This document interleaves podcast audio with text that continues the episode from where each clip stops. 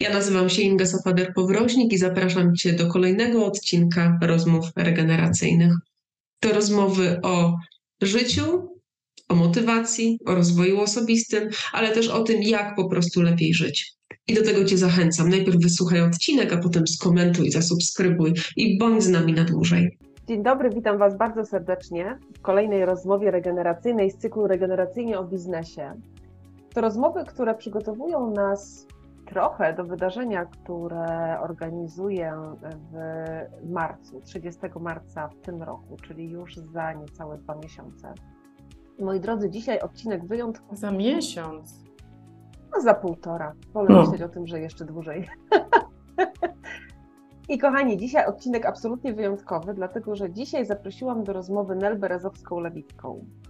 E, I to jest osoba, która bez której Open Forum nie wyglądałoby tak, jak wygląda, która mnie nieustannie i od kiedy ją znam, a znamy się dwa lata, bardzo inspiruje. I osobę, która oczywiście o sobie mówi, że e, nic nie wie i że nie jest w stanie o niczym się wypowiedzieć. Natomiast prawda jest taka, że ma tak O czymś jestem. No właśnie, no właśnie. A ma tak szerokie horyzonty i inspiruje e, i samą siebie do działania od lat, i innych, tworząc programy HR-owe dla firm, mm, że ta rozmowa dzisiejsza jest trochę i będzie, mam nadzieję, trochę o Open Forum, ale tak naprawdę dużo bardziej o tym, jak mm, zmieniał się biznes na przestrzeni lat i co prawdopodobnie nas czeka w przyszłości. Nel Berezowska-Lewicka. Witam serdecznie. twórczyni platformy Up to You, e, partnerka w agencji Aretes Consultants i mogę to chyba zdradzić. e, Dyrektorka programowa Open Forum, osoba, która Boże, jak to brzmi. Tak, która stworzyła program e, Open Forum na bazie rozmowy, którą mieliśmy mm, z Radą Programową, zresztą Nel też jest e, członkinią Rady Programowej.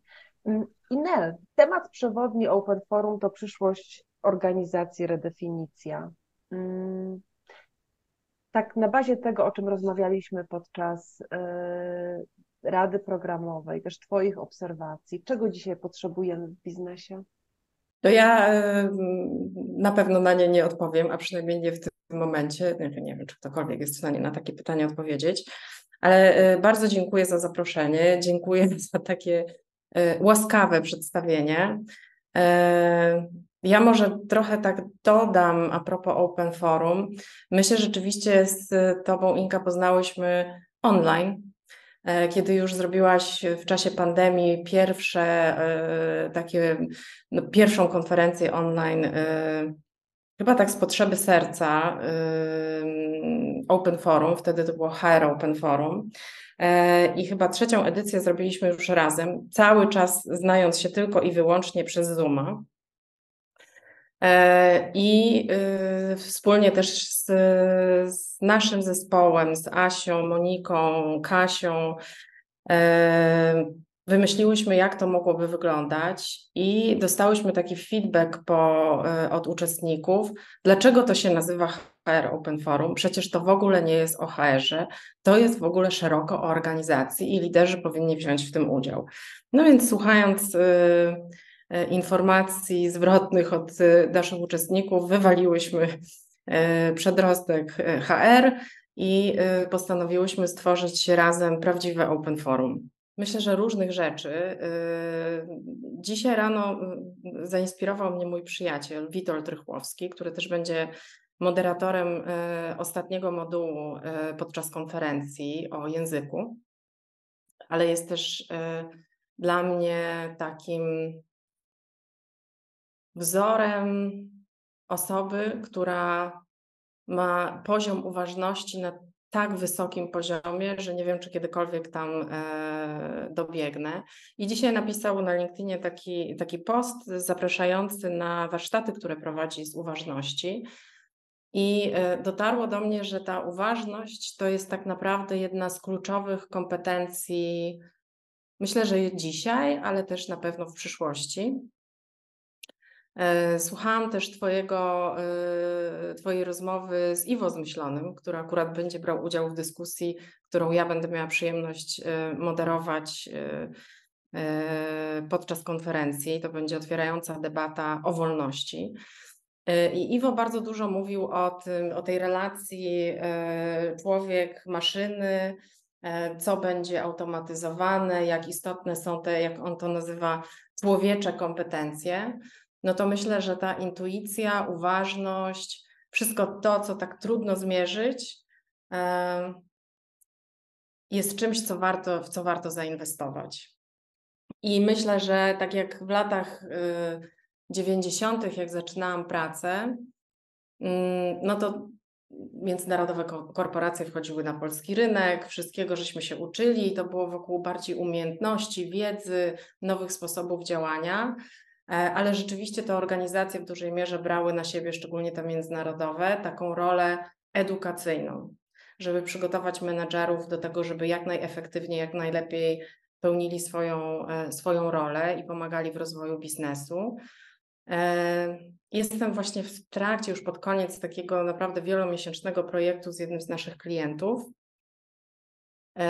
związane z wdrażaniem e, wartości w organizacji, w ogóle zmianą całego procesu, no właśnie, nie oceny, ale takiego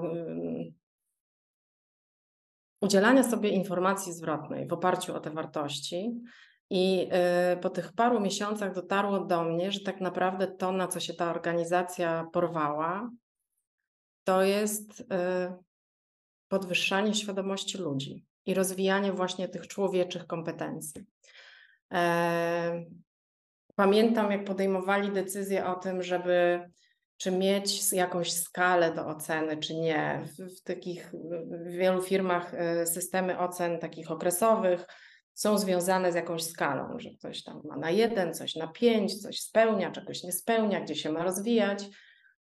I pamiętam, jak podejmowali, i to pracownicy, bo oni brali udział w takich w tworzeniu tego nowego podejścia, jak dochodzili do tego momentu, że my żadnych ocen nie potrzebujemy, że my potrzebujemy się spotkać człowiek z człowiekiem i dać sobie informację zwrotną, która będzie nam pomagała jeszcze lepiej współpracować, korzystać z, z wzajemnego potencjału, być dla siebie taką e, inspiracją, ale też cały czas podnosić swoje osobiste kompetencje, tego, jaki ja mam wpływ na innych, na otoczenie, na to, co realizuję. Czy to jest wpływ, na którym mi zależy, czy to jest zgodne z moimi intencjami, e, czy świat dokładnie to samo odbiera, co, e, co ja chcę przekazać.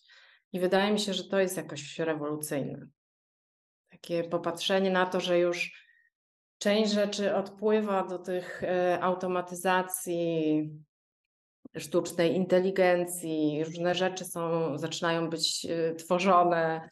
E, czasem trudno rozpoznać, czy to maszyna skomponowała ten utwór, czy, czy mm, żywy człowiek, muzyk.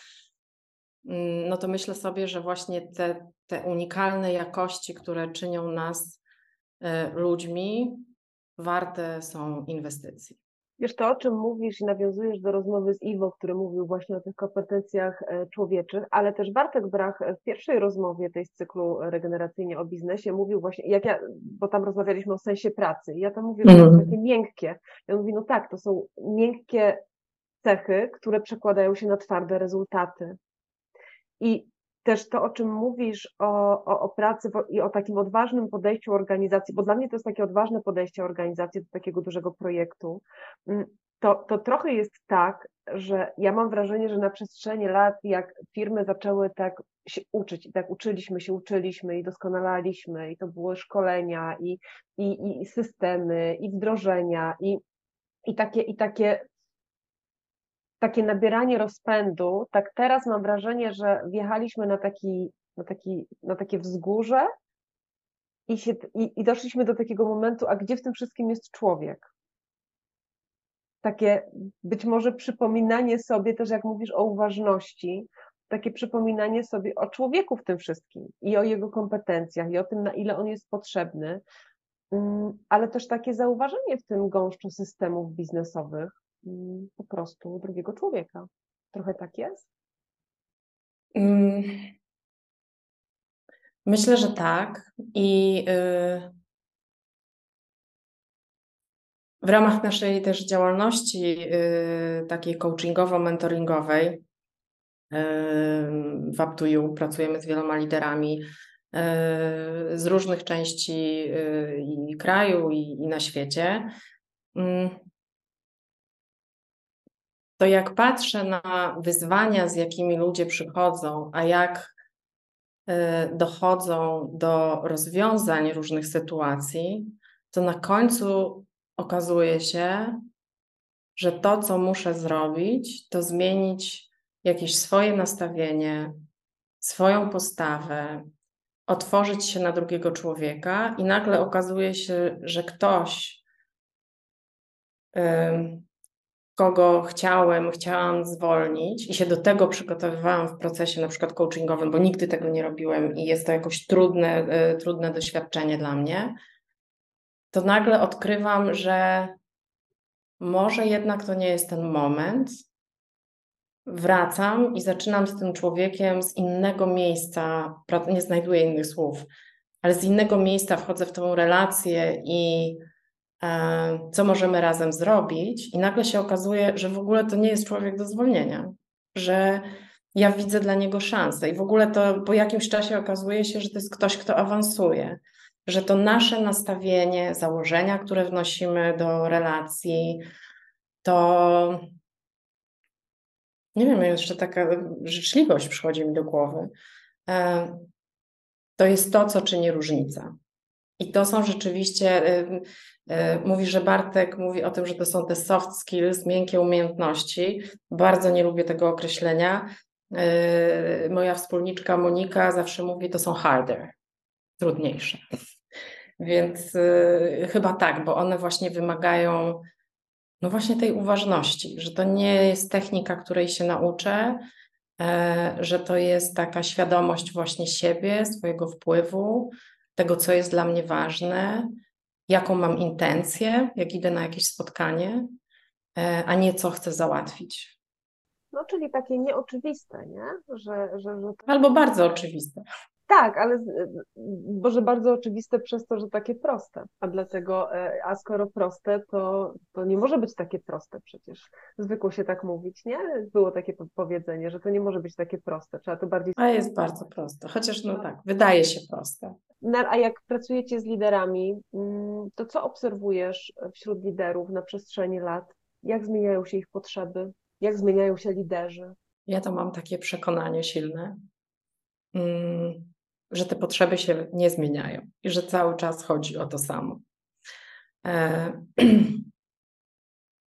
otaczamy się jakby nowymi gadżetami, systemami, strukturami, sposobami pracy, a tak na, naprawdę na końcu to jakość tej relacji decyduje o tym, co nam się uda zrealizować, w jaki sposób to osiągniemy, czy będziemy mieli z tego satysfakcję, poczucie spełnienia i poczucie sensu. E, I myślę, że to, to nastawienie na, na to, że jesteśmy w relacji z drugim człowiekiem, a nie z menadżerem, specjalistą, kimś, kto e, robi określone rzeczy, czyni różnicę.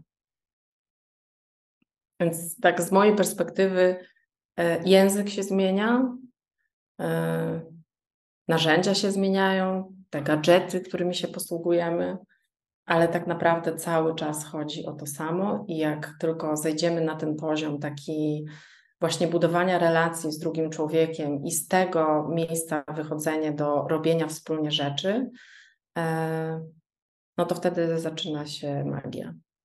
Tu nastała taka niezręczna cisza. Nie, wiesz, bo to, bo to jest moment, w którym ja mam taką refleksję, że mm, dzisiaj to nie jest też trochę taki właśnie powrót do głośnego mówienia o tych prostych e, rzeczach i o relacjach? Myślę, że cały czas gdzieś tam o tym mówimy. Ale rzeczywiście to jest taki, y, taki temat, który wraca ze zdwojoną siłą, szczególnie w obliczu rozwoju technologii. E, że cały czas gdzieś tak e, pojawia się ten lęk, y, a co będzie z moim zawodem, co będzie e, ze mną, jak będzie rynek pracy wyglądał, czy będę musiała coś zmienić co to dla mnie oznacza, czy w ogóle będzie miejsce dla mnie. I pojawia się ten taki lęk i poszukiwanie w związku z tym tego, ok, to gdzie, ja, gdzie jest to coś unikalnego, czego maszyna nie zastąpi, y, gdzie jest ta moja unikalna wartość. A myślę, że to też się wiąże z tym, z taką zmianą bardzo dużą, szczególnie dla mojego pokolenia. No, moja tożsamość, jak zaczynałam pracę, znaczy praca była dla mnie no, takim głównym obszarem moich zainteresowań i taką budowała moją tożsamość.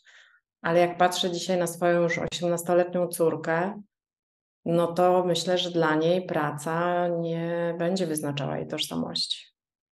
E, I to jest ta największa różnica, że praca, zaczynamy mieć inne oczekiwania od tej pracy.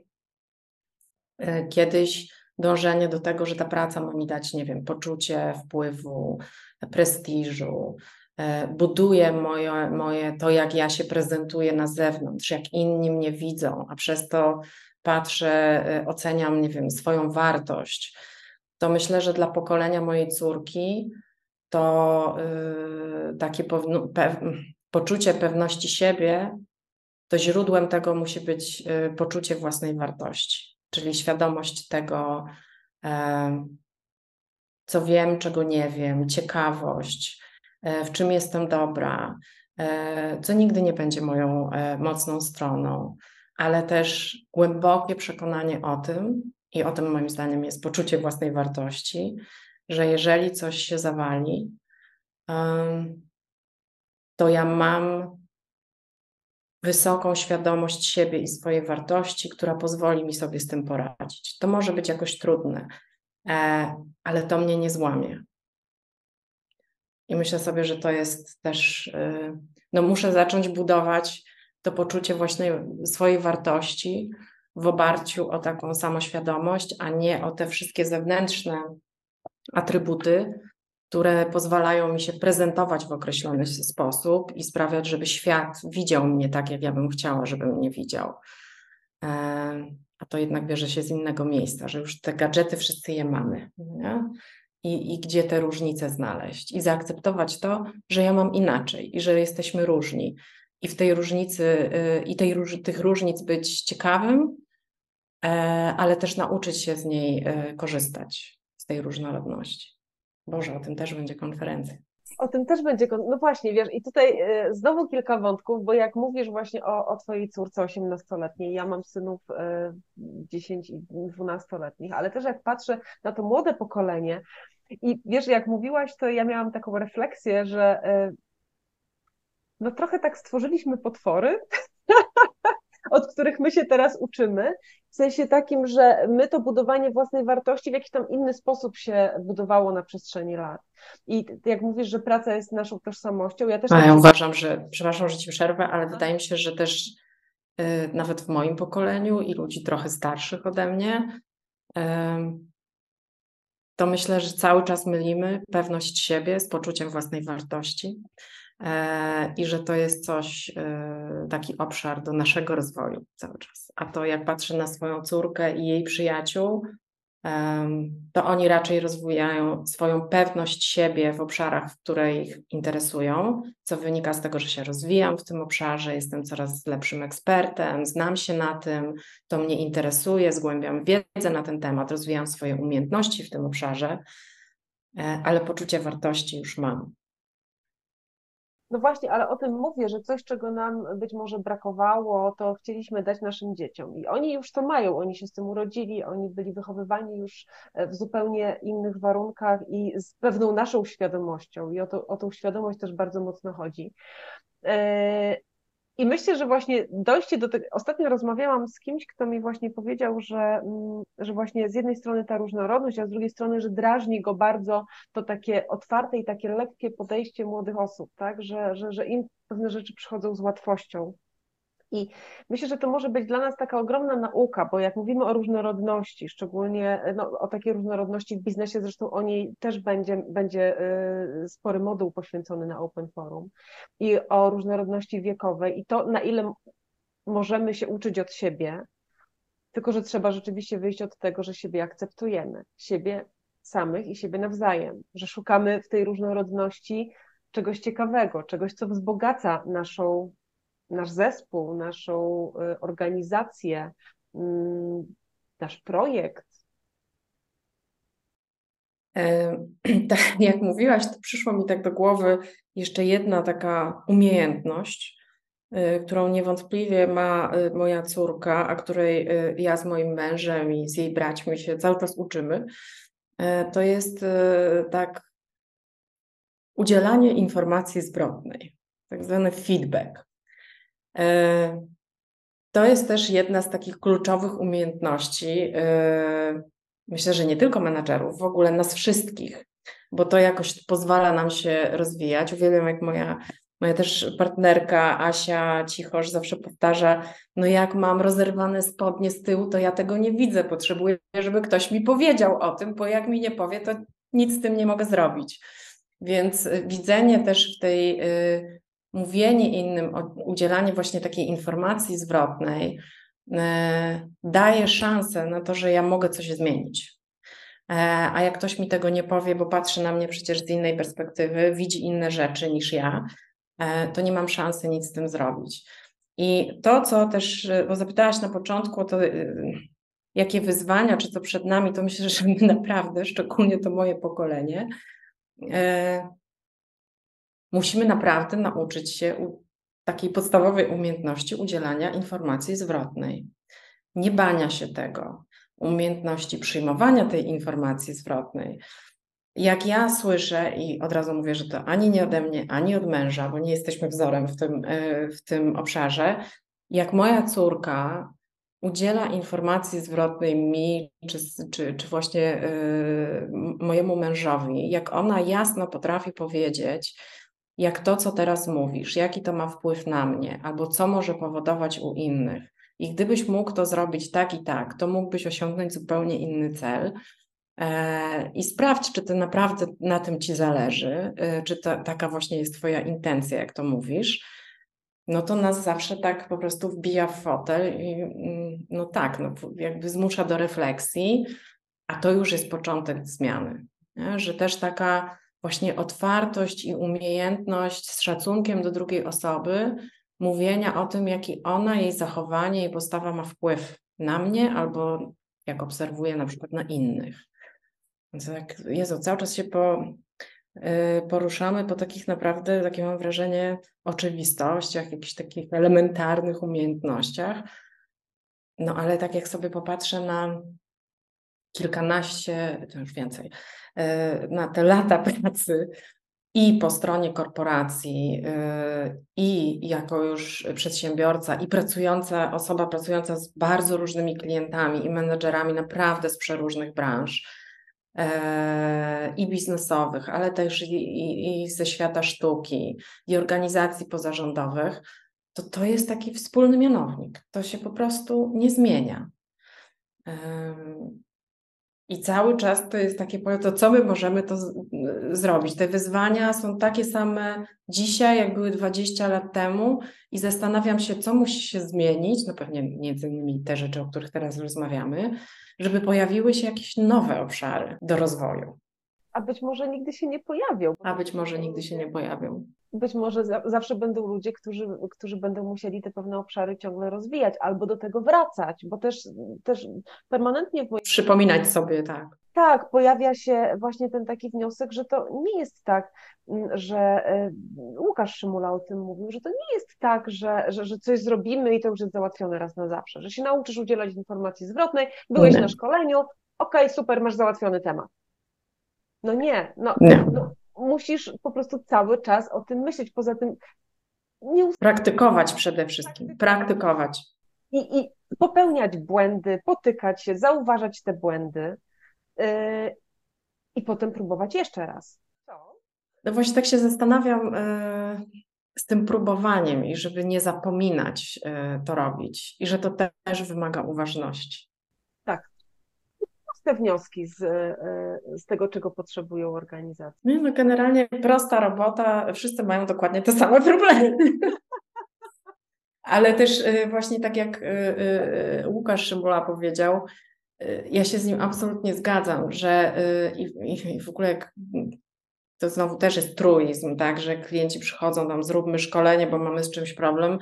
No wszyscy wiemy, że szkolenie nic nie zmieni.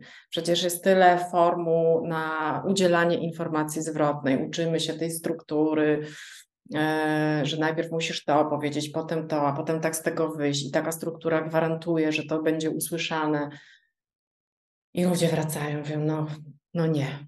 No bo to znowu wracamy, jaką miałeś intencję, E, z jakiego miejsca e, dawałeś, dawałaś tę informację zwrotną, mm, czy w jakim momencie to się stało, czy ta druga osoba była na przyjęcie tej informacji gotowa. To już jakby i tu naprawdę dotykamy właśnie tego, że to nie jest kwestia tylko struktury, wiedzy, potwierdzonej badaniami naukowymi, tylko to jest o naszej obecności i o tym, ja, jacy jesteśmy i jak jesteśmy w relacji z innymi ludźmi.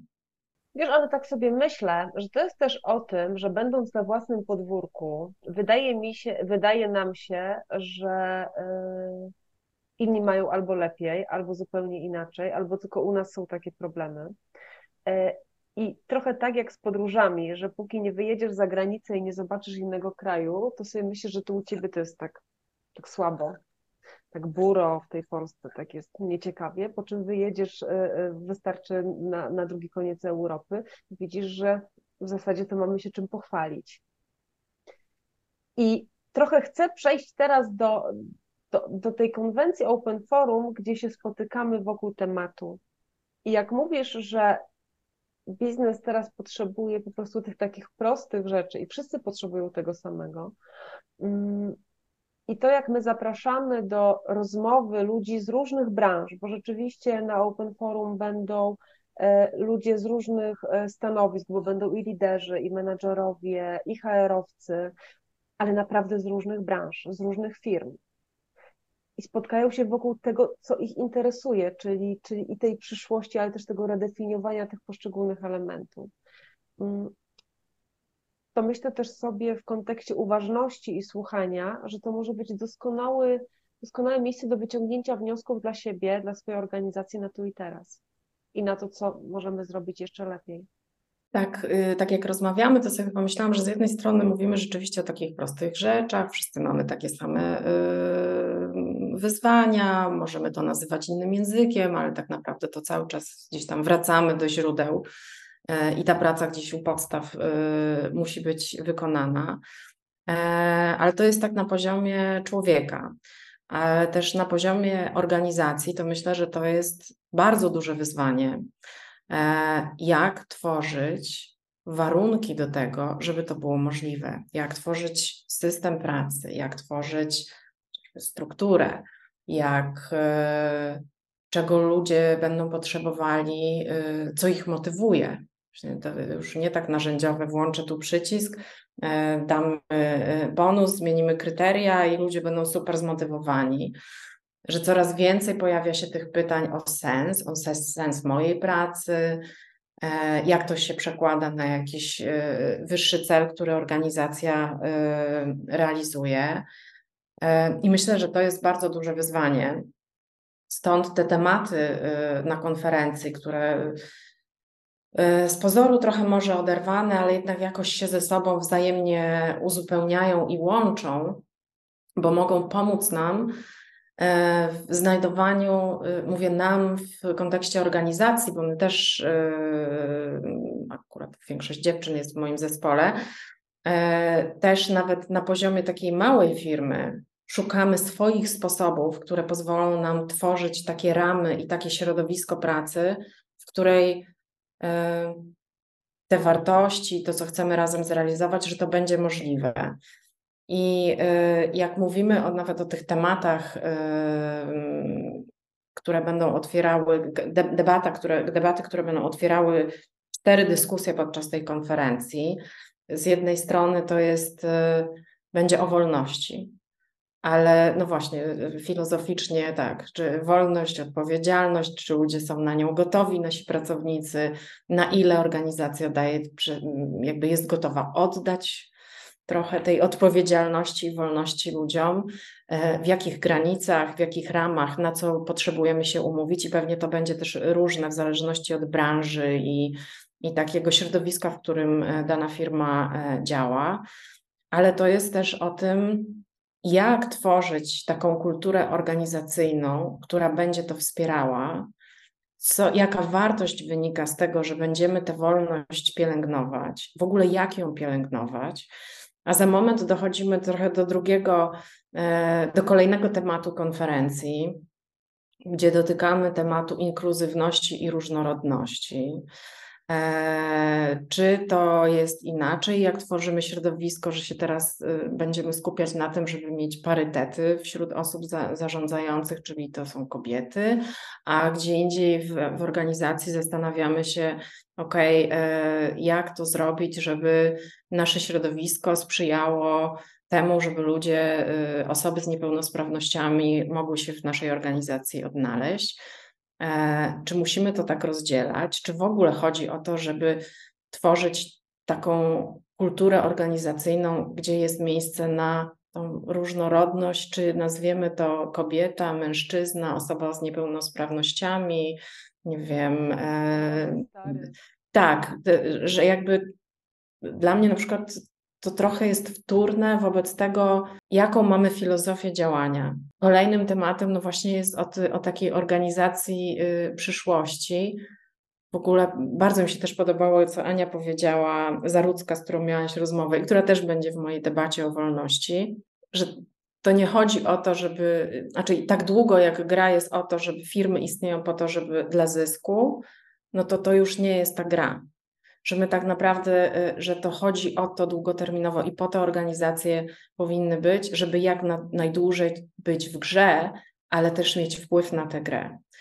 E, bardzo mnie inspiruje e, światowy przykład e, takiego działania organizacji w oparciu o wartości, ale też bardzo dużego wpływu na to, w jaki sposób biznes funkcjonuje. To jest Patagonia. I to, co mnie y, zafascynowało też w jej, w jej, historii, y, to to, że jak mieli bardzo poważny kryzys, stali przed zwolnieniem naprawdę wielu ludzi, a to jest bardzo rodzinna firma, to y, właściciele zabrali wszystkich menadżerów nie po to, żeby wypracować operacyjne plany, jak to teraz przeprowadzimy, żeby właśnie koszty obniżyć, zwiększyć rentowność, jakby uratować, co się da w tej, w tej trudnej sytuacji, ale odbyli szereg filozoficznych rozmów. To znaczy, w ogóle nie byli skoncentrowani na tym, znaczy, tak, na tym, co operacyjnie trzeba wykonać taktycznie, ale zastanowić się, jaka jest filozofia naszych, naszego działania. I to słowo filozofia jest bardzo bliskie mojemu sercu, e, że ta organizacja przyszłości to jest mniej o procedurach i procesach i regulacjach, a bardziej od wyjścia właśnie takiego filozoficznego. To jaka jest filozofia e, zarządzania finansami w naszej firmie? Jaką mamy filozofię, jeżeli chodzi o zarządzanie ludźmi, jaką mamy filozofię współpracy z dostawcami, e, z naszymi klientami. I że to, to, to jest trochę jak taka, nawet jeszcze taka podstawa do tego, żeby w ogóle sobie e, wypracować jakąś konstytucję, e, zasady działania, regulacje, procedury, procesy. Ale jak mamy dobrze zdefiniowaną filozofię działania, to wszystko, co wdrażamy, jak spojrzymy właśnie na tę filozofię, to jesteśmy bardzo szybko sprawdzi, y, sprawdzić, czy to, co chcemy wdrożyć, jest spójne z tą filozofią. Więc jakoś sobie myślę, że, że e, e, o takiej przyszłości organizacji e, no, że będzie musiała odpowiadać na takie filozoficzne pytania. E, ja się śmieję, że trochę jeszcze bardziej będziemy się musieli humanizować w tym technologicznym czasie. I kolejnym takim tematem na konferencji jest język, czy on tworzy rzeczywistość, czy jest jej odzwierciedleniem, pewnie jedno i drugie. No ale wykorzystanie tego języka, jak nazywamy różne rzeczy, w jaki sposób ze sobą się komunikujemy, czy mamy świadomość tego, jak, e, jak to, w jaki sposób mówimy, co mówimy, co wysuwa się na pierwszy plan, w jaki sposób to wpływa na rzeczywistość, którą kreujemy. Filozofia to też są słowa.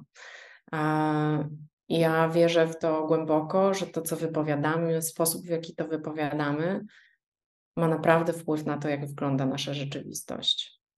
E, nie wiem, czy jesteś zadowolona z tej rozmowy, bo takie mam wrażenie, że poruszamy się na bardzo dużym poziomie ogólności.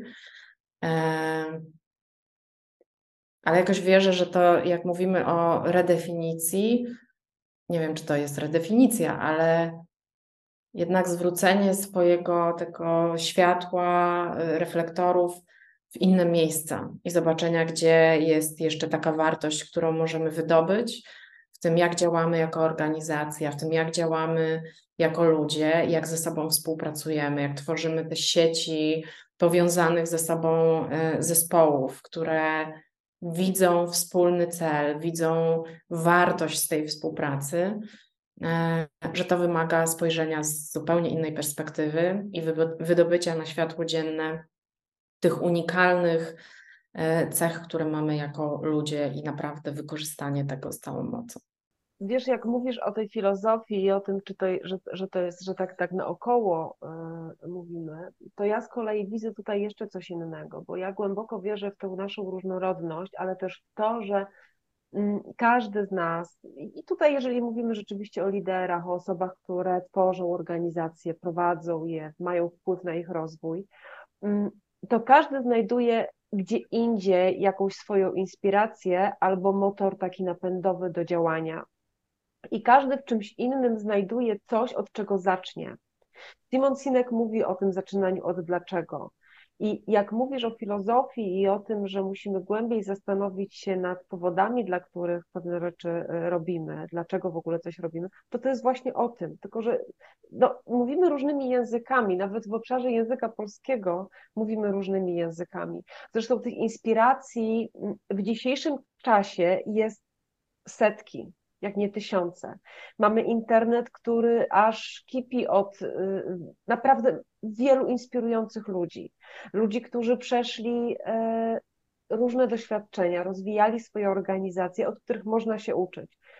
Tylko do każdego trafi coś innego. Tak, właśnie to, bardzo ważną rzecz poruszasz, bo myślę, że to, co jest kluczowe, to żeby przestać się porównywać żeby nie chcieć być jak ta organizacja na rynku, e, tak jak ta osoba, że to każda z tych, y, każdy z nas i każda z organizacji jest w innym miejscu, działa w innym środowisku, ma inny punkt wyjścia e, do rozwoju. Coś jak Łukasz Szymula mówi że o tym, że e, u siebie wprowadził sześciogodzinny dzień pracy, naprawdę w wielu organizacjach to jest niemożliwe dzisiaj bo nie ma takiej efektywności, produktywności. To jakby dużo rzeczy trzeba byłoby poprawić, żeby to w ogóle było możliwe. E, więc ten punkt startu i, i kontekst, w jakim działamy, ma olbrzymie znaczenie. Więc myślę, że to, co jest bardzo ważne, to żeby się nie porównywać, ale być ciekawym te, tego, jak robią to inni, szukać tej inspiracji, ale cały czas przekładać to na mój kontekst, na to, co jest tu u nas możliwe, co my też możemy wspólnie wykreować, być może coś nowego, do czego, e, do czego nas zainspirują e, inne osoby czy organizacje, ale szukać swojej drogi, bo to jest najlepsza droga i myślę, że łatwiej wtedy o to, dlaczego, znalezienie tego, tej odpowiedzi na to pytanie, bo to będzie nasze. Dokładnie. I dla tych, którzy się zastanawiają, e, jak to się może przełożyć na moją organizację, to ja z moim podejściem takim marketingowo-PR-owym od razu mi się tworzy historia, bo przecież też jak mówimy o marketingu dzisiejszych czasów, o, o budowaniu wizerunku, to jeszcze bardziej wracamy do podstaw i do takiej tożsamości i do tego sensu istnienia organizacji, do tego, kim jestem, ale do tego, kim my jesteśmy jako organizacja. Tak. Póki tego nie wiemy tak bardzo konkretnie, to nie mamy za bardzo na czym oprzeć naszej strategii komunikacji. Nie mamy za bardzo o czym opowiadać. A nie dowiemy się tego, jak nie zadamy sobie pytań. I nie dowiemy się tego, jeżeli nasi liderzy w naszej organizacji, osoby, które są odpowiedzialne za, e, e, za, za, za tworzenie, za rozwój, za kierunek, e, też nie zadadzą sobie tych pytań i nie poszukają odpowiedzi. Tak, to bardzo ważne. I yy, jeszcze jedna rzecz mi przyszła do głowy. Oczywiście to już wszystko wiemy, pandemia, wojna, to wszystko, co się wydarzyło, już nawet nikt nie podważa tego, że y, przyszłość może być, jest nieprzewidywalna i że jest, jest szereg rzeczy, które mogą nas bardzo zaskoczyć i będziemy musieli sobie z tym radzić. I, y, I tak jak mówimy o tym poszukiwaniu, dlaczego, to to, co jest bardzo ważne, że tak samo jak człowiek, tak samo organizacje się rozwijają i są na innych etapach rozwoju. I że takie systematyczne albo co jakiś czas zadawanie sobie jako organizacja i jako ludzie tego pytania, czy to po co, to why jest nadal aktualne, czy to, kim się staliśmy, co osiągnęliśmy, gdzie popełniliśmy błędy, co się wydarzyło na rynku, czy to nadal yy, jest aktualne, czy musimy usiąść i się zastanowić jeszcze raz, czy coś się dla nas nie zmieniło. I organizacji, i, jako, y, i, i dla ludzi, tak? Że to, to, to pytanie, odpowiadanie sobie na to pytanie yy, no ma znaczenie. I trzeba to robić nieustannie. No może nie cały czas. Nie, nie codziennie, nie, nie, nie bo zwariowałam. Chociaż ja sobie codziennie zadaję to pytanie, ale to raczej nie, nie, nie jest do naśladowania. Ale zdecydowanie warto znaleźć na to czas taki mm, Amerykanie na to mówił ten quality time, nie tak przy okazji, tylko rzeczywiście taki czas zaplanowany. On się pojawia też w różnych wątkach, ale myślę, że dla każdego lidera jest to ważne, żeby znaleźć ten czas, kiedy mm, no właśnie będzie chciał i będzie gotowy na to, żeby posłuchać, żeby się zastanowić, żeby podyskutować. Mm. Powiedziałaś, przepraszam, bo muszę się do tego odnieść. Yy, użyłaś takiego słowa refleksja. E, że to też się z tym zatrzymaniem e, wiąże. To, co bardzo często słyszymy, jak pracujemy z zespołami, z liderami, e, to jest brak czasu. E, jest tyle zadań i rzeczywiście ludzie są przeciążeni. I to wynika z różnych powodów. I tak y, zmian, które się dzieją na rynku, które wymuszają zmiany w organizacji, e, pewnie tego też, że różne procesy są jeszcze niedojrzałe albo niewystarczająco efektywne. E, ale ten czas na refleksję, na to, że mogę się zatrzymać i zadać sobie to pytanie, jest kluczowy i dzisiaj ludzie nie mają na to czasu. Warto, no, tak sobie teraz, jak, jak mówiłaś, to przypomniałam e, swoje początki w ogóle pracy zawodowej. Bardzo dużo wtedy, bardzo dużo pracowałam, bo się wszystkiego chciałam nauczyć i, i, i nowe projekty rozpoczynałam, ale pamiętam, że miałam czas na to, żeby się na chwilę zatrzymać i zastanowić, po co my to robimy, czy to przyniesie jakąś wartość, dlaczego ja się chcę w to zaangażować. Dzisiaj wiele osób nam mówi, że w ogóle nie mają czasu na zadawanie sobie takich pytań. Przełączają się tylko między spotkaniami, na spotkania na zakładkę. Mm, znam jedną organizację, która wprowadziła odgórnie taką zasadę, że w jakichś godzinach nie może być spotkań, że w jakiś dzień w ogóle nie ma spotkań. Żeby zachęcić ludzi jakoś systemowo do tego, żeby znajdowali czas na refleksję, bo to jest, e, umożliwia dopiero wykonanie tego kolejnego kroku. Dobra, to jeżeli to nie działa, to poszukam odpowiedzi, co mogłoby zadziać, e, co mogłoby zadziałać i co jest teraz ważne. A bez tego czasu na refleksję bardzo trudno w biegu e, złapać coś e, takiego unikalnego i właśnie z pogranicza tej filozofii takiego poszukiwania odpowiedzi po co. Dlatego ja dzisiaj bardzo się cieszę mm, z tego, że jak obserwuję listę osób, które rejestrują się na Open Forum i która rośnie, to e, i jak patrzę na, na, na, na maile i informacje, które do mnie docierają, to naprawdę jest grono ludzi, którzy chcą znaleźć ten czas. I do tego chciałabym dzisiaj po, po wysłuchaniu tej rozmowy, którą nie mam pojęcia, jak zatytułuję. Ja też. E, natomiast chciałabym zachęcić te, te, osoby, które poświęciły ten czas na posłuchanie i dały sobie szansę na zainspirowanie się, żeby znalazły ten czas, jeżeli chcą mieć wpływ na organizacje, w których pracują, jeżeli chcą mieć wpływ na to, co dzieje się z ich firmami bądź organizacjami, jeżeli chcą mieć wpływ na siebie, to żeby zaplanowały taki czas e, na refleksję, na rozmowę, dyskusję.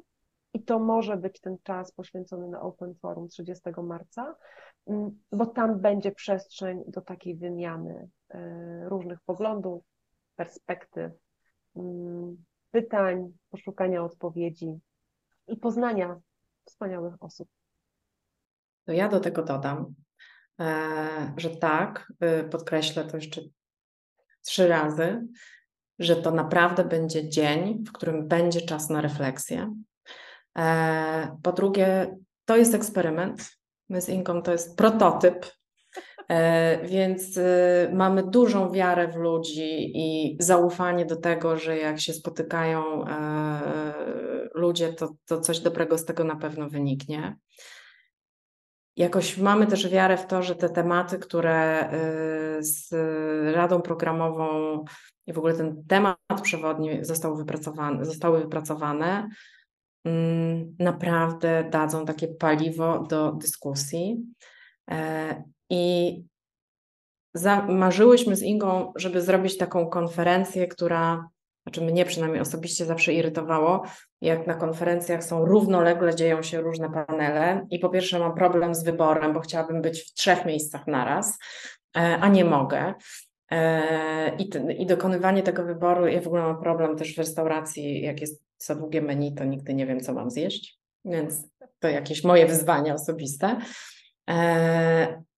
Ale żeby zrobić konferencje, w których nie biegam z sali do sali, tylko mam jakiś temat e, rozpoczęty naprawdę ognistą dyskusją ludzi, e, naukowców, ludzi e, z biznesu, ekspertów w danym temacie, które otwierają, poszerzają perspektywę, a potem mogę z innymi ludźmi, z całą życzliwością, otwartością i ciekawością porozmawiać albo ogólnie o tym temacie, albo wybrać jakiś jeden fragment, który jest akurat dla mnie dzisiaj istotny i dla mojej organizacji i chciałbym, chciałabym porozmawiać z innymi, którzy albo mają już takie doświadczenie, albo też się z tym mierzą e, i po prostu się po, poinspirować wzajemnie, podzielić doświadczeniami. E, I nie trzeba będzie biegać między salami. Będziemy wszyscy razem i, e, i wierzymy w to, że będzie to naprawdę twórczy i refleksyjny czas ewentualnie trochę między stolikami, ale ta przestrzeń też będzie. Tak, tak. E, I ja stawiam też na taką swobodę, bo. Mm, będzie dużo wolności, to tak. obiecujemy. A jak wiemy, drugą stroną wolności jest odpowiedzialność, więc wszystko w rękach uczestników. Tak, ja bardzo e, wierzę tutaj w ideę takiego współtworzenia. Zresztą też e, obserwuję, jak spływają kolejne tematy stolikowe, o czym ludzie chcą rozmawiać, co ich ciekawi. To jest, to jest niezwykle inspirujące, bo to pokazuje, że e, jeżeli damy ludziom warunki do tego, żeby, żeby działać w jakiś określony sposób i żeby dać tą wolność, ale w jakichś ramach, to to się zadzieje. I e, ja wierzę, że ta formuła i ten eksperyment wyjdzie mm, wszystkim, dosłownie wszystkim, na e, bardzo dużą korzyść, dobro, inspirację i ogromną wartość na przyszłość. Czekamy na wszystkich z otwartymi sercami. Bardzo dziękuję. Bardzo dziękuję, Inga. dziękuję Ci za tą rozmowę. Wspaniale się rozmawiało i wspaniale się Ciebie słuchało. No, dziękuję. Zapraszam Cię gorąco do udziału w Open Forum. Open Forum to wydarzenie dla liderów, przedsiębiorców i liderów HR oraz naukowców i ludzi, dla których ważne jest to, żeby wiedzieć, co dzieje się w dzisiejszym świecie. Temat przewodni: przyszłość organizacji, redefinicja. Spotykamy się 30 marca w Warszawie. Bilety do kupienia na stronie openforum.com.pl. Zapraszam Cię gorąco. To wydarzenie dyskusyjne, gdzie każdy uczestnik będzie brał udział w dyskusjach, w rozmowach i bezpośrednio będzie mógł podzielić się swoją wiedzą i doświadczeniem, ale też czerpać z wiedzy ekspertów, praktyków, specjalistów i ludzi, którzy znajdą się w tym samym miejscu. Przyszłość zaczyna się dziś i to dziś jest moment na to, żeby się zatrzymać, zadać sobie pytania i poszukać na nie odpowiedzi, by tworzyć lepsze jutro. Zapraszam Cię gorąco. Dziękuję Ci za wysłuchanie kolejnej rozmowy regeneracyjnej. Mam nadzieję, że zainspirowała Cię ona do kolejnego działania, do zrobienia kroku ku lepszemu życiu. Zapraszam Cię również na stronę Parku Rozwojowego, gdzie znajdziesz pogłębione teksty, które podsumowują każdą z rozmów. Bierz dla siebie to, co najlepsze i to, co do Ciebie mówi. Pamiętaj, na drodze rozwoju osobistego każdy musi znaleźć swoją własną drogę. Najważniejsze, żeby się zatrzymać, poczuć, i móc iść dalej świadomie, radośnie i z miłością do siebie i do życia, czego Wam bardzo gorąco życzę. Rozmowy regeneracyjne.